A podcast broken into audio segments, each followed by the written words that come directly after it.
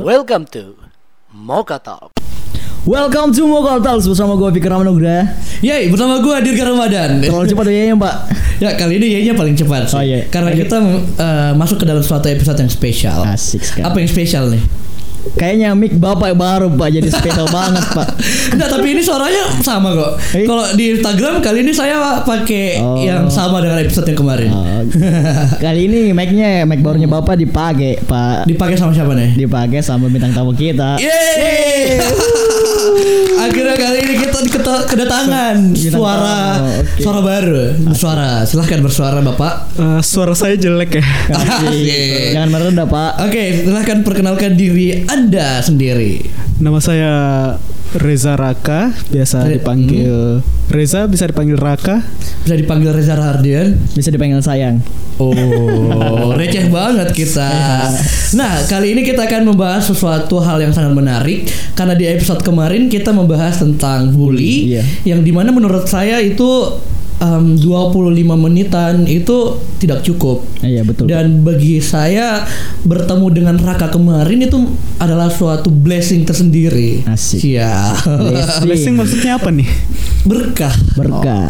Dan pengetahuan yang baru dan saya rasa pengetahuan itu patut di-share kepada teman-teman yang lain. Oke. Jadi eh, kita akan membahas bully lagi nih, Hmm. tapi dari perspektifnya Raka juga yang di mana kemarin saya mendengar cerita tentang Raka itu eh, dulu pernah menjadi eh, bahan bulian juga dan pernah menjadi pembuli juga. Waduh, bapak pernah membuli Pak? Eh, jadi korban iya, jadi pembuli iya, Hmm. Waduh. dan Bahaya. jadi saksi pembulian banyak. Waduh. Dan, pernah jadi. dan jadi tempat cerita pembuli juga. Eh, Iya, korban pembuli, korban, korban pembuli ya, benar. Ya. Nah, kali ini kita akan membahas pertama sih tentang bagaimana itu bully di sekitar kita. Nah, eh, kalau saya personal, bully di sekitar kita itu jatuhnya lebih ke internet. Di internet itu kita sering sekali mendapatkan bulian-bulian terhadap suatu artis Iya, atau betul, suatu orang lain, terutama kayak saya tidak akan menyebut akun Instagramnya siapa, tapi teman saya yang ya kalau saya menilai sih itu adalah suatu kreativitas kreativitasnya dia. Karena saya melihat dia itu sering membuat konten yang di mana dia terlihat seperti perempuan padahal dia laki-laki. Ah, Tapi saya menganggap itu adalah kreativitas. Oke. Ini bukan yang episode 2 kan? Buk- bukan sih, tapi agak related sih yang di mana yang di mana yang di yang di episode 2 itu eh, terkadang orang-orang yang mengklaim dirinya itu juga dibully. Waduh, yang el oh skip. Ya sama aja sih Iya nggak sih, apa-apa. Eh, jadi kayak mereka sering dibully di sosial media, secara fisik, secara sosial pun juga mereka dibully karena mereka dianggap anomali seperti itu. Anomali apaan Pak? Nggak ngerti anomali? Iya Pak. Ya udah searching sekarang. Aduh, anomali kopi dong Pak di Makassar kan ada namanya anomali kopi Pak. Bodoh amat. Lanjut. Nah, Ini bukan kalau- yang tentang pamit-pamit itu ya. pamit pamit apaan? Nah, lanjut. Aku pamit, aku kembali. Aduh. Aduh. Beda Pak Aku itu. pamit. Aduh, kita kita terlalu banyak keluar. Kita udah jauh banget nih keluar. Jadi kalau kita kembali ke Raka nih. Tapi itu ada relate-nya juga ke pembulian sih sebenarnya. Hmm, betul, Karena betul. eh, dia merasa bahwa eh, orang lain itu eh, ngejudge dia dengan apa yang dia lakukan. Hmm. Jadi solo jadi ceritanya dia melakukan apa yang dia inginkan, tapi Ya. tidak sesuai dengan apa yang konsumen lihat. Ya, Oh. jadi bagaimana bagaimana dia melakukan sesuatu yang di mana kayak orang lain bilang, ih kenapa sih seperti gitu? Kenapa sih harus begitu? Kenapa Ah, lo kayak benar. gitu? Kenapa lo Ah. gak gini? Kenapa lo gak Kenapa gitu? lu harus pergi dan kembali lagi? Oh, Waduh. tapi kita tidak membahas hal itu. Kita Gua harap bully. doi Kakak. pergi bakalan kembali lagi. seperti, cuy. seperti kita telah membuli satu orang lagi. Aduh, gua harap bu, doi bakalan Ya, kembali. Jadi Oke lanjut. lo pada jangan lo pada jangan contoh kita kita nggak di sini karena kita telah membuli satu orang yang ada di sini. Nah kalau kita membahas tentang bulian lagi di sekitar kita tadi juga sudah termasuk kayak jokes jokes internal kita itu juga terkadang secara tidak langsung udah menjadi Iya bulian. bully pak. Memang kalian pak suka bully gua pak. Aduh. Tapi anda menikmati itu.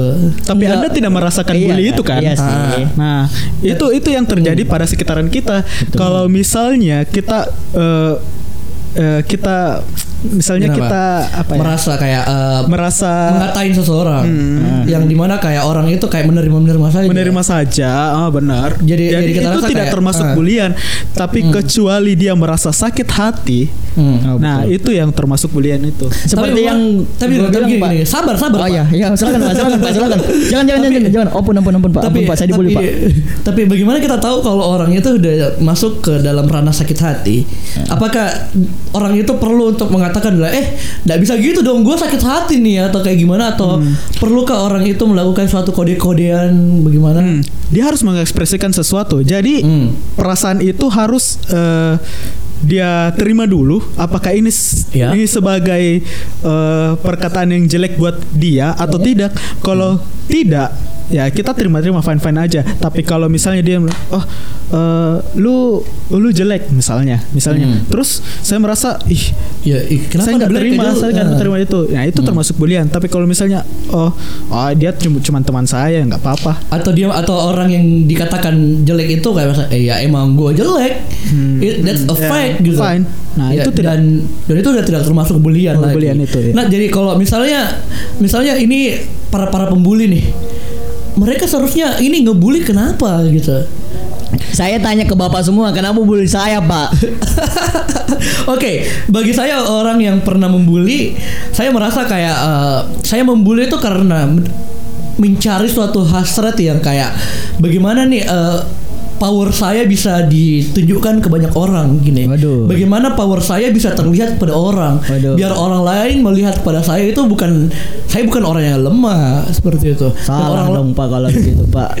tapi tapi maksudnya gini terkadang orang membuli itu secara tidak langsung dia membuli loh kayak misalnya tadi kita bercanda-candaan tapi secara tidak langsung itu adalah bulian gitu dan terkadang orang-orang yang orang-orang yang membuli itu dia uh, mencari suatu hasrat kesenangan dari ketakutan orang. Pernah kayak nonton film superhero atau fil- bukan superhero sih uh, horor gitu Uh, katanya hantu-hantu itu mendapat makanan dari ketakutan kayak begitu juga balikannya kalau dari pembuli ke korbannya Hmm. dia mendapatkan powernya atau mendapatkan kesenangannya atau energinya itu dari orang yang takut atas buliannya itu sendiri Ya betul. seperti itu. Jadi kayak eh, menurut gua nih, kalau misalnya orang-orang ngebully itu ya emang karena dia meng apa ya memberi makan hasratnya gitu. Jadi orang orang-orang itu sebenarnya punya ego masing-masing. Hmm. Ter- tergantung dari persoalan kita masing-masing. Jadi kalau misalnya kita merasa, aduh, eh, saya butuh orang buat saya katain nih, Hmm. biar saya lebih enak perasaannya. Jadi dia melakukan pembulian tersebut. Misalnya, eh, contoh sebagai ndak yang ndak jauh dari kita itu Ya. misalnya kayak di di sekolah di Sekolah, di kampus. mos, kampus itu ospek Ya. sebenarnya itu sebenarnya karena ada eh, Egoisme. egois ego sendiri Ego sendiri. dan dia mempunyai eh, eh, tingkat lebih tinggi daripada korbannya jadi dia merasa dia lebih tinggi dia lebih tinggi Hmm. dia dia lebih eh, lebih berkuasa Lebih dari situ. powerful. lebih powerful jadi dia bisa eh, bisa seenaknya saja buat melakukan apa saja kepada korban tersebut Hmm. Nah, misalnya dia melakukan eh, fisik atau melakukan kekerasan Ah, secara verbal. lisan eh, Ah. dan ap- dan bisa jadi juga yang terjadi di masyarakat yaitu eh, mengata-ngatai di sosial media. Sosial media. Waduh, saya paling sering Pak dikata-katain di sosial media, Pak. tapi tapi eh, hal yang menurut saya kayak yang tidak perlu banget nih dilakukan kalau misalnya dalam ospek nih. Menurut saya eh, secara apa ya naturalnya ospek itu dia itu sudah menjadi budaya di dalamnya ospek. Tapi menurut saya pernah eh, pernah saya terpikirkan tentang hal itu kayak eh, apa apakah pern- apakah ospek itu eh, emang harus melakukan pembulian biar dikatakan sebagai ospek atau haruskah dikatakan eh, harus harus ada suatu korban yang dibully biar dikatakan sebagai pengenalan sekolah, pengenalan kampus. Jadi kayak saya merasa kayak tempat-tempat sekolah ini adalah tempat-tempat pembulian massa. Aduh. Gitu. Ini yang salah dari perspektif orang-orang tentang ospek Ah, betul, dan betul. mos. Itu sebenarnya ospek dan mos itu bertujuan untuk meng- mengenalkan sekolahnya kepada orang orang-orang baru. Hmm. Kan berarti ini adalah sebuah edukatif buat eh, orang-orang baru. Nah, Hmm. masalahnya orang-orang eh, Baru. senior-seniornya Ya, itu senior-senior. eh, menganggap ini sebuah Budaya. tempat budaya dan pembalasan dendam yang Ya. apa yang dia la- pernah lakukan eh, Eh, yang pernah dia rasakan. rasakan waktu dulu dia sebagai mahasiswa baru Atau- atau, atau siswa baru. Tapi Bapak Raka pernah rasakan nggak yang kayak gitu? ya pernah semua Iya, orang pasti pernah Eh, gua enggak cuy, gua enggak. Anda Anda emangnya sekolah Karena dulu saya waktu di MOS itu saya kabur, Pak. Hari pertama di MOS saya kabur, saya enggak masuk. Oh, alasan sakit ya Enggak, emang enggak masuk. Lihat-lihat dorong dorong doang. terus nggak dicari orang di MOS nih. Hmm. Wah, tolonya ini. kabur. gitu gue dong, Pak. Gak usah ikutan MOS. berarti Oke. mental anda Ya makanya itu Pak. Dipertanyakan. Sampai sekarang saya kayaknya kalau setiap lihat orang di MOS itu kayaknya gue takut pak. Kayak misalnya waktu di kampus dulu waktu Hmm. semester semester awal itu pas yang dibilang ada tuh yang namanya kayak apa pak yang misalnya kita masuk organisasi nih terus Eh, ada yang kader kader nah, ya ya pengkaderan Hmm, betul. setiap ada pengkaderan kayaknya saya gimana ya takut gitu belum Hmm. wah di kader nih ha- habis kita akhirnya setiap ada pengkaderan gitu Hmm. gua nggak ikut cuy akhirnya Ya. kayak misalnya gua mau masuk organisasi Hmm. tapi nama gua nggak kedaftar gara-gara nggak ikut pengkaderan Hmm. Sebenarnya sih masuk lagi kembali lagi kayak tadi yang dibahas Raka, Hmm. di mana kayak uh, orang-orang udah menilai uh, hal itu udah menjadi budaya yang sebenarnya pengkaderan itu tidak harus uh, ada suatu ting suatu tingkah bulia di dalamnya karena sebenarnya pengkaderan itu mau menumbuhkan suatu rasa um, aware terhadap organisasi yang akan dia masuki. Tapi terkadang orang berpikir bahwa bulian itu menjadi pemicu uh, mental seseorang. Tapi itu adalah bukan saya udah bisa bilang hal positifnya sih. Tapi kayak memang kalau orang yang tepat mengartikan suatu bulian itu pasti mereka menjadikan itu jadi acuan.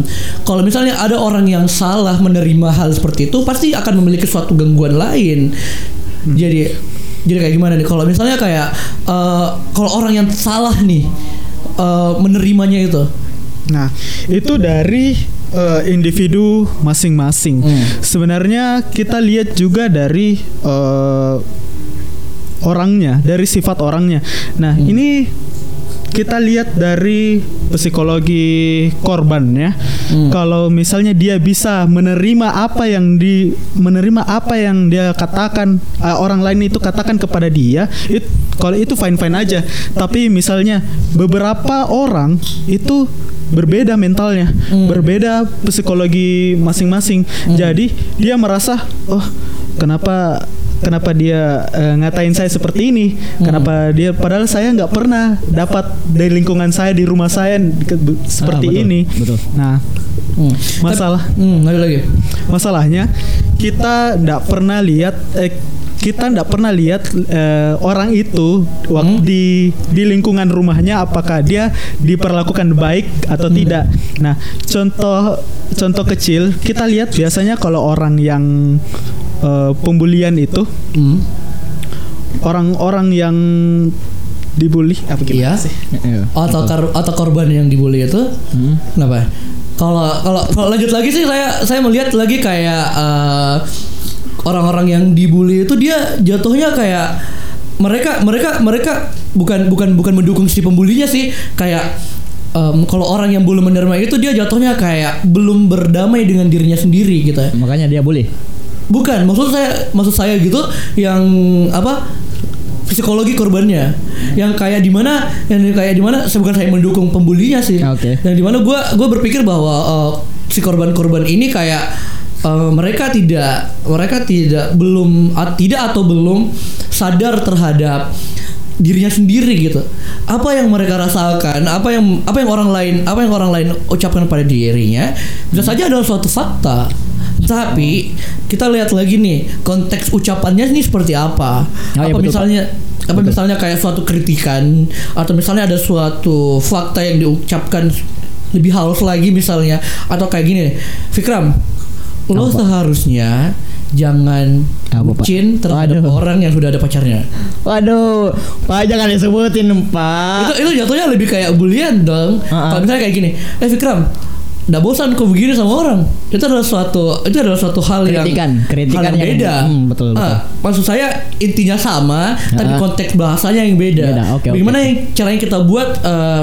Suatu kalimat yang Bisa jadi fakta Bukan bukan menjadi bulian Sehingga Betul, betul. kayak Orang itu menerima Apa yang kita ucapkan Jadi kayak begini Misal tadi dari kasusnya Raka Dia mengatakan kayak eh, itu tergantung dari orang lain. Ya, saya setuju tentang itu sih. Eh, tapi kalau kita melihat kayak eh, orang yang belum menerima, maksud saya yang orang yang kayak tidak tidak diperlakukan buruk di luar rumahnya, misalnya dia di rumahnya dielalukan atau apalah semacamnya seperti itu. Betul. Tapi kalau di luar rumah dia mendapatkan ada orang yang mengatakan A, B, C, D, E, F, G kepada dirinya dan dia merasa kayak What? Kenapa people mengatakan ini kepada gue? Oke.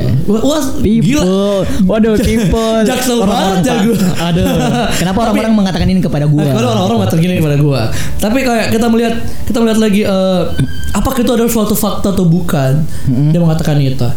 Tapi kalau kita melihat kayak kadarnya itu sudah menjadi sangat berlebih, itu pasti sudah menjadi kayak kerak sendiri di hati kayak Betul. anjir ini orang ngatain gua mulu apa nggak ada bahan lain Nah, atau anjir ini orang ngomong ini mulu apakah dia apa lo nggak merasa gua nggak berubah atau kayak gimana gitu kayak anjir lah gitu Anjir ini dirga cuy bilang-bilangin gua terus jomblo Ya, yang emang. suka cewek orang anjay. Eh, ya emang gitu jadi lo lo sebenarnya sadar bahwa lo nggak harus begitu Oke. Saya punya cerita tentang korban pembulian itu. Saya punya banyak teman tentang eh, eh, dia adalah korban bullying sem- sejak SD SMP dan waktu itu dia sempat diajak ke acara sekolah dan Hmm? dia termasuk orang yang waktu itu pembulian pada eh, waktu itu. ya Saya, saya dekat sama orang ini. Hmm. Dia memang mempunyai keterbelan Keterbelakangan. keterbelakangan mental. Oh, iya. Ah, nah, kita tahu ke kalau dia keterbelakangan mental berarti dia mentalnya eh, Ya, beda dari kita. ah, Beda dari kita. Beda, beda dari kita. Berarti dia tidak bisa menerima apa yang dia dia eh, apa yang apa dia Orang tidak lain. bisa orang lain dia orang lain tidak bisa eh, Terima apa yang dia bilang. terima apa yang dia bilang. Oh, ya, betul. Begitu juga sebaliknya. Hmm. Permasalahannya, nah caranya kita mendekati orang yang, yang seperti ini Hmm. adalah kita pelajari apa yang apa sifat mereka. Hmm. Misalnya dia suka ini, kita juga ikut Oh iya, dengan betul. suka ini. Hmm. Tapi dengan hal ini eh, dalam kurung eh, yang hal yang positif ya. Ya. Jangan- Betul, betul. Yang misalnya dia suka memukul, jangan kita ikut juga. Jangan ikut. Oh iya, dia suka main cewek, jangan diikutin juga. Ada. Eh, udah jauh sekali Anda. Jadi kalau kita balik lagi ke pembahasannya Raka, kalau misalnya kita harus pelajari lagi nih psikologinya, mentalnya ini kayak gimana nih. Tapi kita lihat lagi kayak eh, bagaimana kalau dengan orang-orang yang ngebully orang-orang seperti gitu, model-modelan yang kasusnya seperti yang Raka ceritain tadi. Nah itu pak bukan manusia lagi pak Kalau misalnya kita ngebully orang yang kayak gitu Waduh bukan dianggap manusia lagi cuy Iya sih itu anjing banget sih. Itulah Tapi kalau kita kita dengerin lagi perspektifnya Raka, jadi lo jadi lo jadi lo mengatakan tadi kayak gini Raka.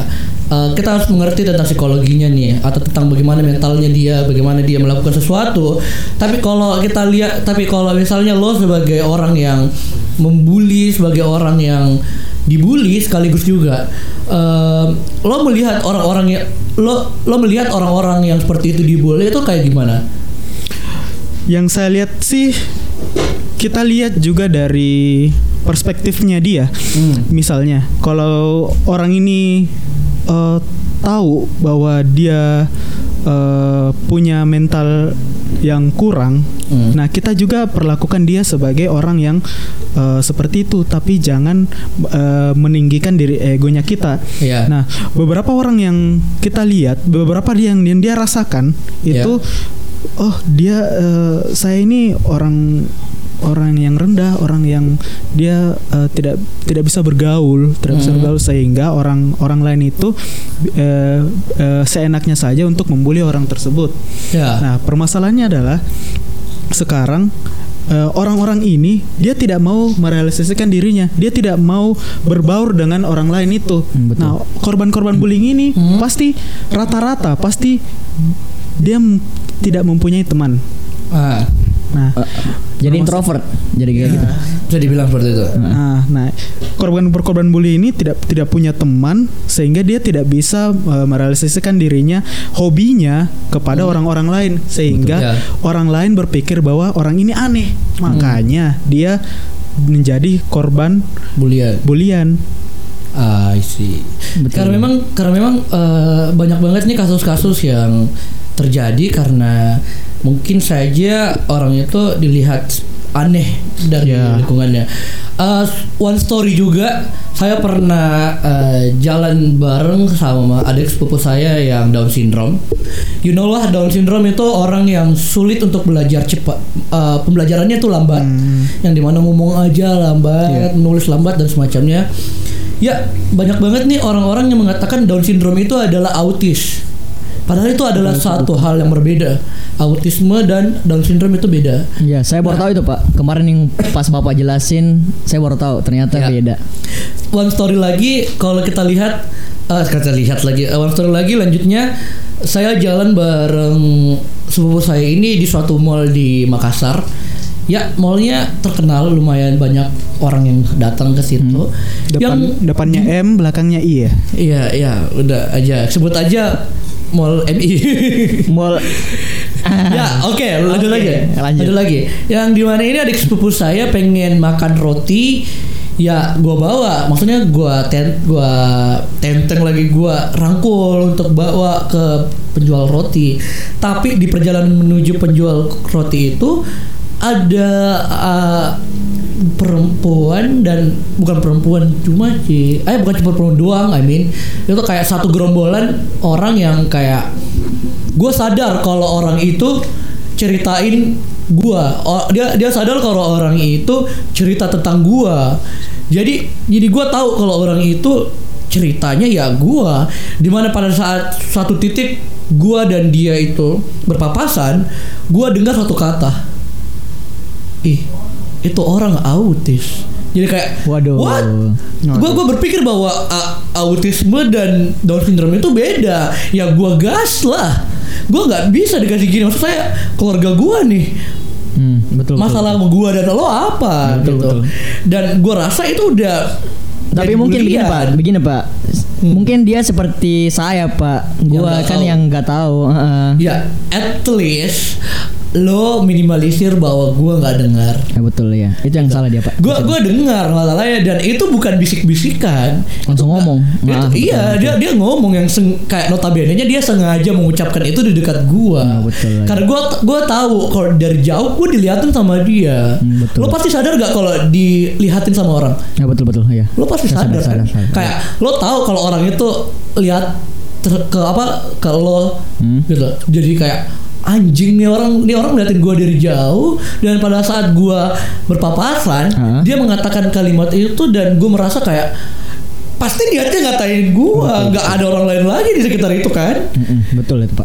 jadi kayak oke the fact is sepupu gue itu Down syndrome Ah. but um, the hoax thing itu adalah sepupu gue itu nggak nggak Nggak autis, autis, ah.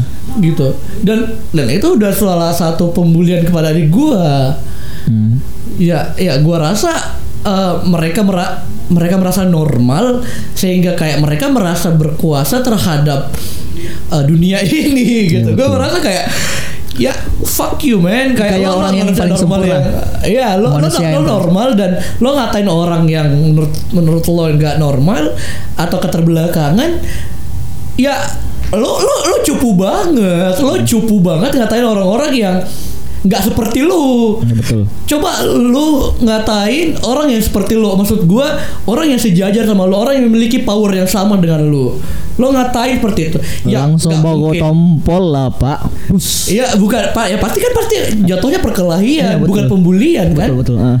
Maksudnya kar- karena pembulian itu satu dikatain satunya nggak nggak melawan. Ya betul betul. Tapi kalau kau melawan, itu artinya eh, kau melakukan pembulian lagi kepada orang lain. itu. Iya. Dan yang yang anda bilang pada saat episode sebelumnya itu akan menjadi lingkaran setan. Hmm. Ah ya betul Benar kan? betul betul. Jadi kayak sebenarnya ini agak ribet bukan ribet juga sih jatuhnya. Kayak eh, bagaimana kita memulai bukan memulai, bagaimana kita menghentikan suatu lingkaran setan ini itu I'm still don't know how to solve hal seperti itu. Jadi kalau kita lihat nih dari psikologi pembulinya juga seperti itu kayak anjing lah gue pernah dibully, masa gue nggak ngebully balik? Ya, betul betul ya pak. Kebanyakan begitu sih pak. Kalau misalnya yang pernah dibully, pasti kayak bapak kan yang cerita di episode lalu Iya. bilang, wah gua dibully, masa enggak Masa- gua bully lain. Ya. Ya betul. Jadi kayak eh, psikologinya itu ter terpacu terus kayak eh, egoismenya. Kayak eh, dia berpikir bahwa kalau gua menekan orang ya gua akan merasa puas, merasa dendam gua yang kemarin itu udah terbayar tuntas seperti itu. Eh, buat pembuli ya, kalau misalnya psikologinya itu dia tidak kalau saya sih melihat sedikit kasus tentang eh, pembalasan dendam, Hmm. tapi lebih ke ego yang lebih tinggi.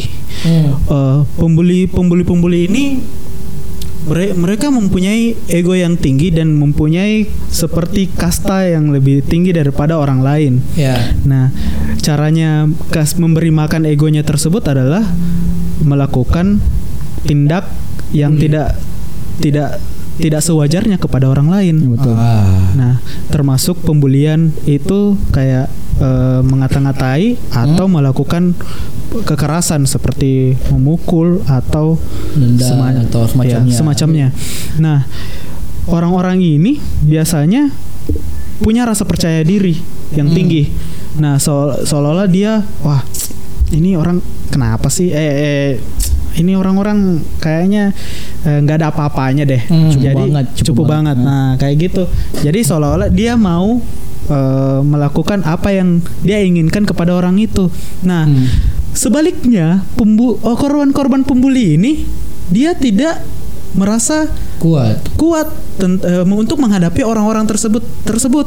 Makanya untuk korban-korban pembuli sebenarnya dia harus punya mental yang kuat. Tapi ada beberapa orang yang saya bilang tadi ke keterbelakangan mental itu Hmm. dia tidak terbiasa seperti itu. Ya. Nah, Jadi kalau misalnya kita lihat seperti itu nih, ya orang-orang keber, keberbelakangan mental.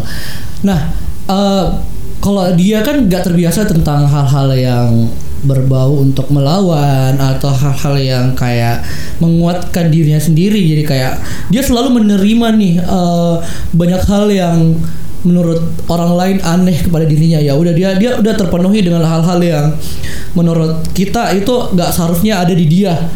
Tapi eh, orang-orang yang seperti itu tidak tahu bagaimana caranya untuk mengatasi problem bullying itu.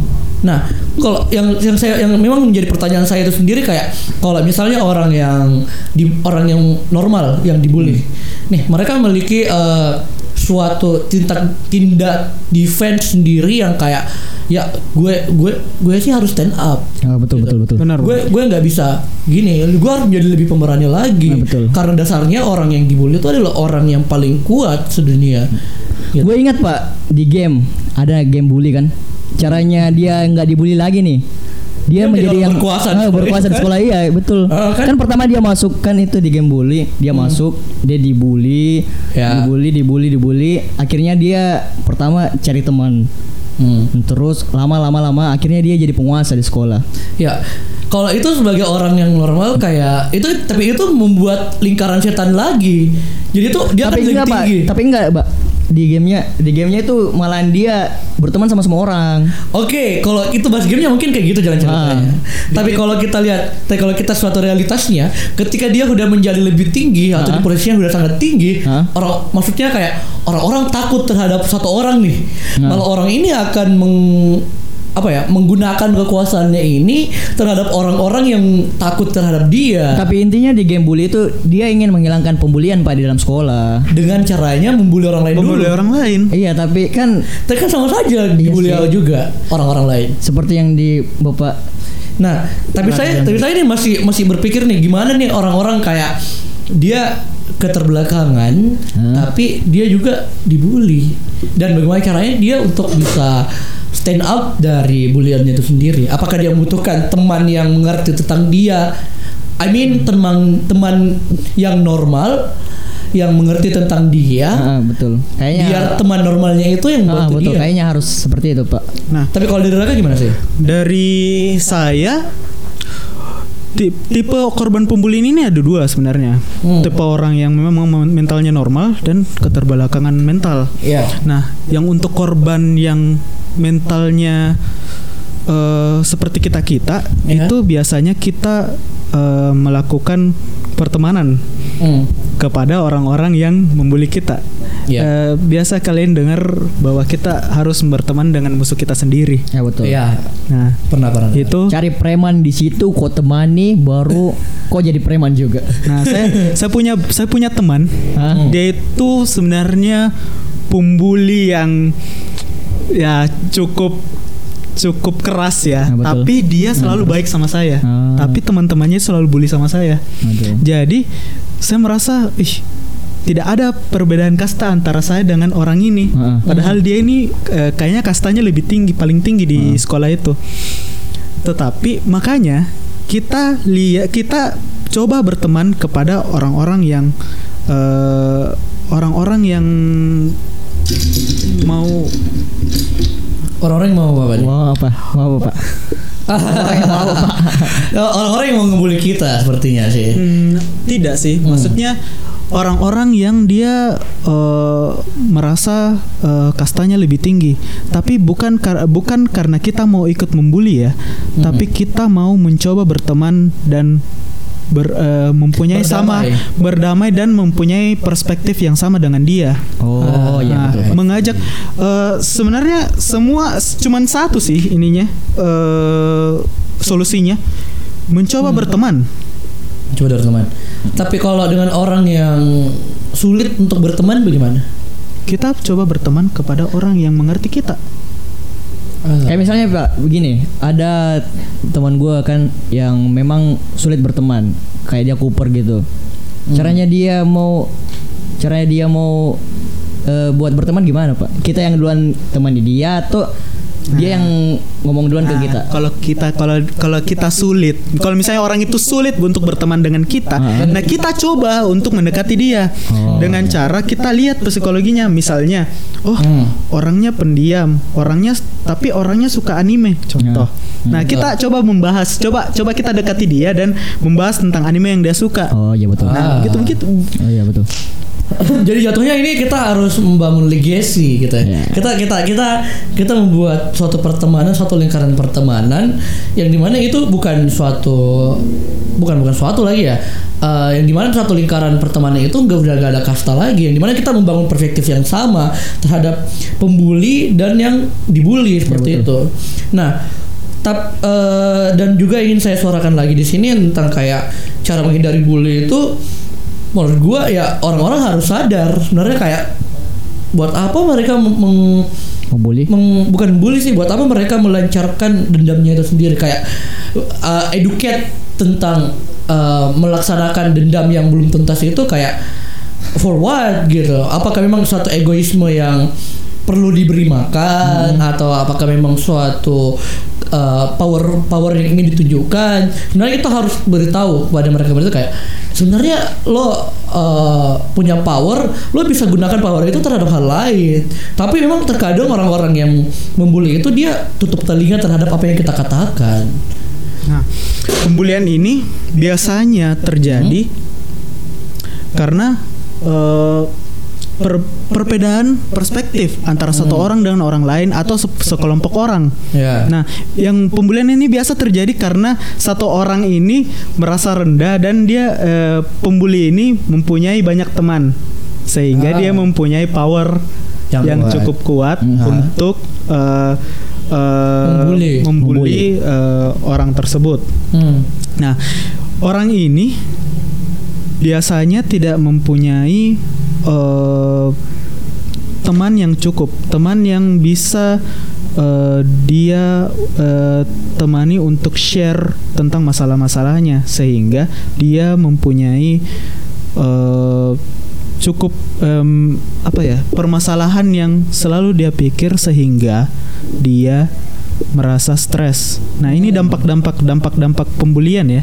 Dampak-dampak pembulian ini eh, orang tersebut mera- akan merasa depresi dan bisa jadi eh, di nilai nilai-nilai di sekolahnya itu Menurun. makin makin menurun, menurun karena dia lebih memikirkan tentang eh, pembulian yang di sekolah daripada pembelajaran pembelajaran di sekolahnya itu. Iya. Nah banyak juga orang yang takut ke sekolah. Ya. Iya, seperti yang gua bahas di episode sebelumnya kayak gitu, Pak. Banyak Ya, yang karena gue gue merasakan itu sih kayak gue gue belajar tentang eh, gue gue dulu waktu SMP pernah bisa ma fisika tapi gue dibully karena gue tahu fisikanya. Kayak orang-orang nih ngebully melihat gue kayak orang geek gitu yang memang tahu tentang fisika. Jadi ini orang-orang ngebully gue dan menganggap gue tuh lemah. Jadi gue kayak anjir lah gue dibully mulu nih kalau gue eh, pintar banget fisika jadi gue ngubah sikap gue Nah, betul, betul. sehingga Jadi gue masuk berteman kepada mereka sehingga gue nggak dibully lagi kan? Jadi ya akhirnya- notabene nya gue nilai gue akan turun seperti itu. Jadi, Jadi- kayak hmm, gimana? Jadi kayak misalnya kalau gitu Pak, berarti nilai lu turun nanti Pak.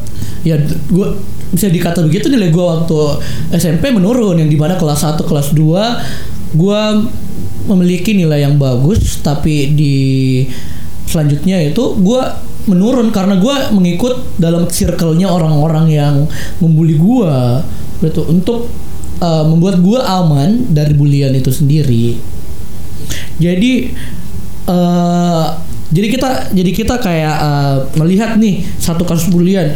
Kalau bagi gua, cara gua bangkit dari bulian gua yang kemarin itu eh gua perlu ikut kepada mereka.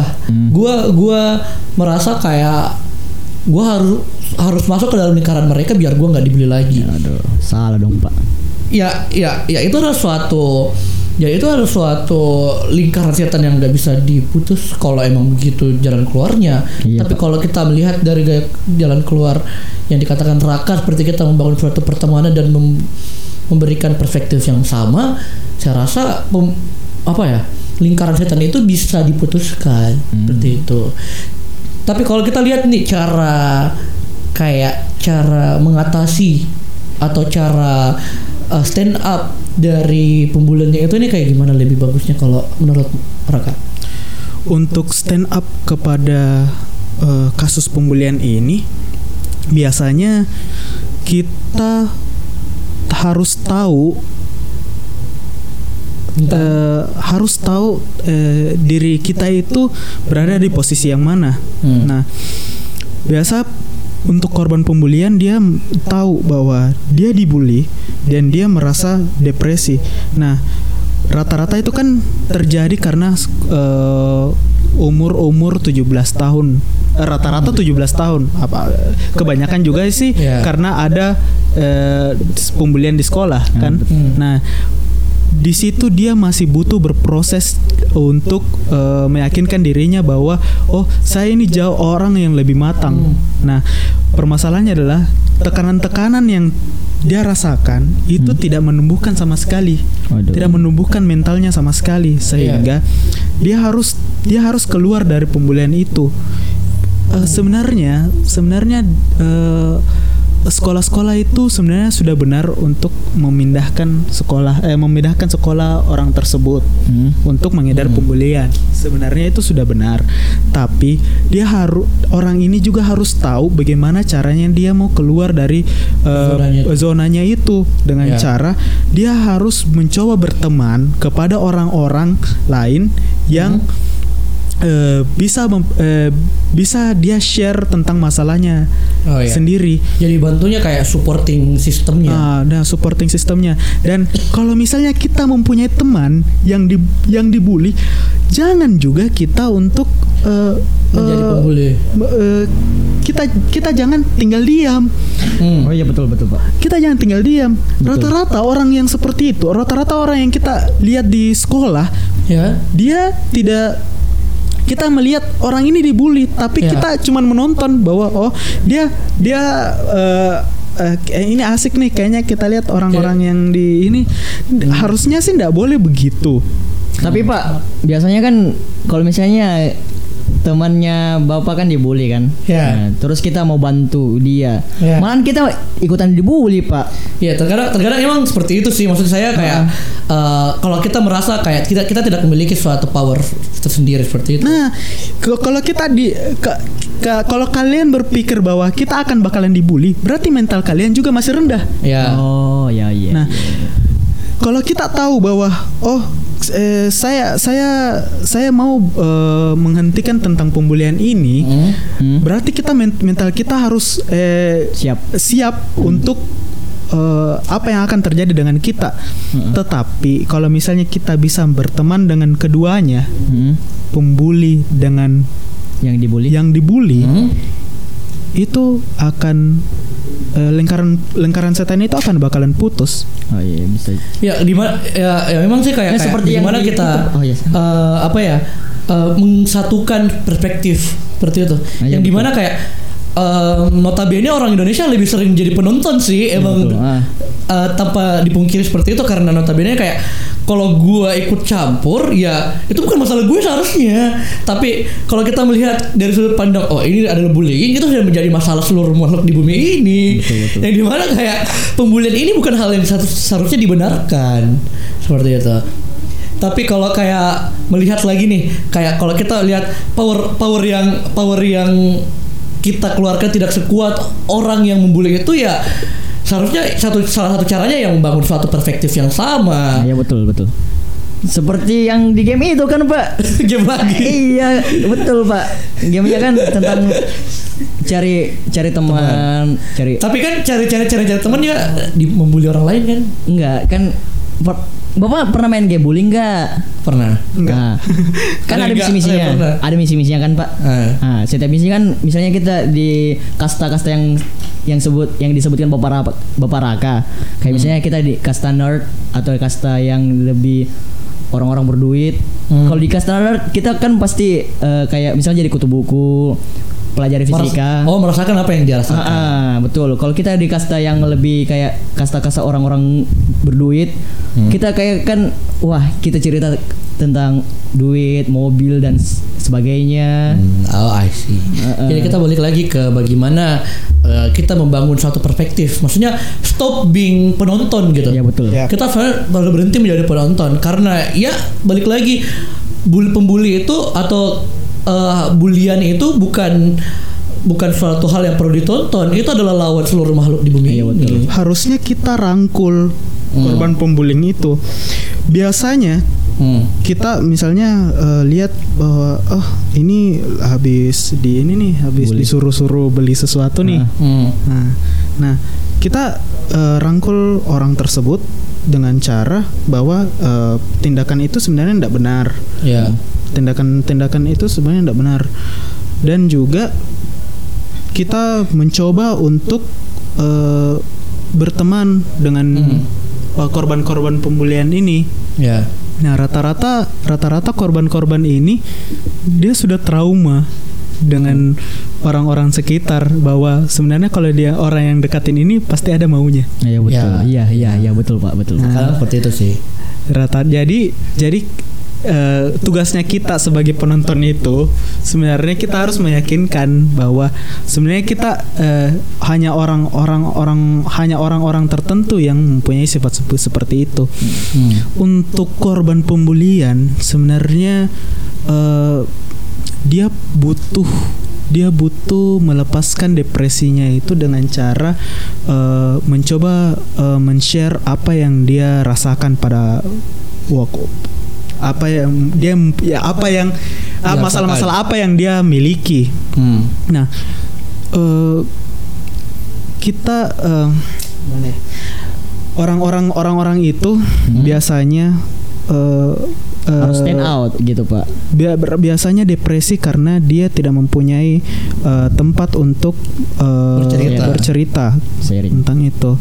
Nah, sehingga eh, dia merasa eh, depresi sampai bisa bunuh dalam diri kutub- atau ya. apa gitu. Hmm. lompat Ya, ya emang sih kayak terkadang kita terlalu bodoh amat sih terhadap orang lain kayak ya itu bukan masalah gua, itu bukan apa, itu bukan apa, tapi eh, terkadang kita harus sadar bahwa ya bullying ya itu adalah masalah seluruh umat, umat ya, Um, seluruh manusia seluruh manusia, Iya, betul. gitu. Jadi kalau lo gimana Vicky? apaan Lo mau ngomong apa nih dari tadi lo mau, mau banget ngomong tapi lo nggak bisa bisa ngomong. gue mau konklusinya aja pak Hmm, gimana nih Nah, menurut lo? Jadi intinya lu sebagai eh, orang yang seba- orang pen- penonton sebagai penonton yang orang dibully itu lu harus rangkul semuanya terus bagi korban bully lu harus stand out ngomong ke paling tidak ke nyokap lu lah lu ngomong At least, at least kalau kita ngomong ke orang tua aja belum tentu orang Eh, tua menerima. setidaknya setidaknya kita ngomong ke nyokap bilang gua dibully setidaknya lu punya tempat curhat Dan Tempat curhat. satu lagi sih gue tambahin dari konklusi lo yang kayak eh, kalau kita jadi penonton itu kita seharusnya kayak em, sadar bahwa sadar bahwa itu adalah suatu masalah semua orang. Betul. Kalau kita menjadi penonton bahwa kita angkat tangan tentang suatu masalah itu ya kita berarti membiarkan lingkaran setan itu selalu berjalan. Iya, betul. Bagaimana caranya kita memutuskan lingkaran setan itu ya kita membangun perspektif antara pembuli dan yang dibully. Jadi kita harus menjadi jembatan antara mereka berdua. Kita harus mensatukan perspektifnya mereka melalui kita. Iya, betul. Jadi, jadi kalau Ara bagaimana nih? Bagaimana nih kalau menurut lo Raka eh, Tunggu pak, satu lagi pak, satu lagi Hmm. pak. Sa- Saya mau kasih konklusi buat yang pembuli. hmm. Anjing lo semua. nah kalau kita masuk lagi nih untuk di eh, kita udah ada di ujung em, podcastnya kita untuk episode kali ini kalau lo Raka apa yang ingin lo katain lagi atau apa yang ingin lo ucapin tentang Saya nggak mau ngatain pak, tapi Oke, mau boleh. tapi mau mengasih saran kepada orang-orang yang membuli ini, ngebully ini. Ah. Nah, Hmm. kalau lu tahu bahwa eh, lu punya eh, kasta yang lebih tinggi atau Ya. lu punya harta yang berlimpah daripada yang lain, Hmm. Harusnya kau manfaatkan itu dengan cara membantu orang lain, Ya, betul. bukan Ya. untuk mem- bukan untuk merendahkan orang lain dengan Ya. Dengan Nah. cara membuli. dengan cara membuli. Iya betul. Hmm. Dan kok dan harusnya para pembuli ini mengerti bahwa eh, masing-masing orang itu mempunyai eh, hak yang sama Hmm. di di mata di mata orang-orang lain, di mata masyarakat. Yep. Bukan hanya karena lu eh, anak anak Pejabat. inilah, Anak anak. Waduh, saya sebut pejabat, Pak. Aduh, Iya, aduh. pejabat, Pak. Aduh, Oke oke oke Tapi gak semuanya ada pejabat melakukan hal itu sih. enggak enggak Enggak juga, enggak semua, Pak.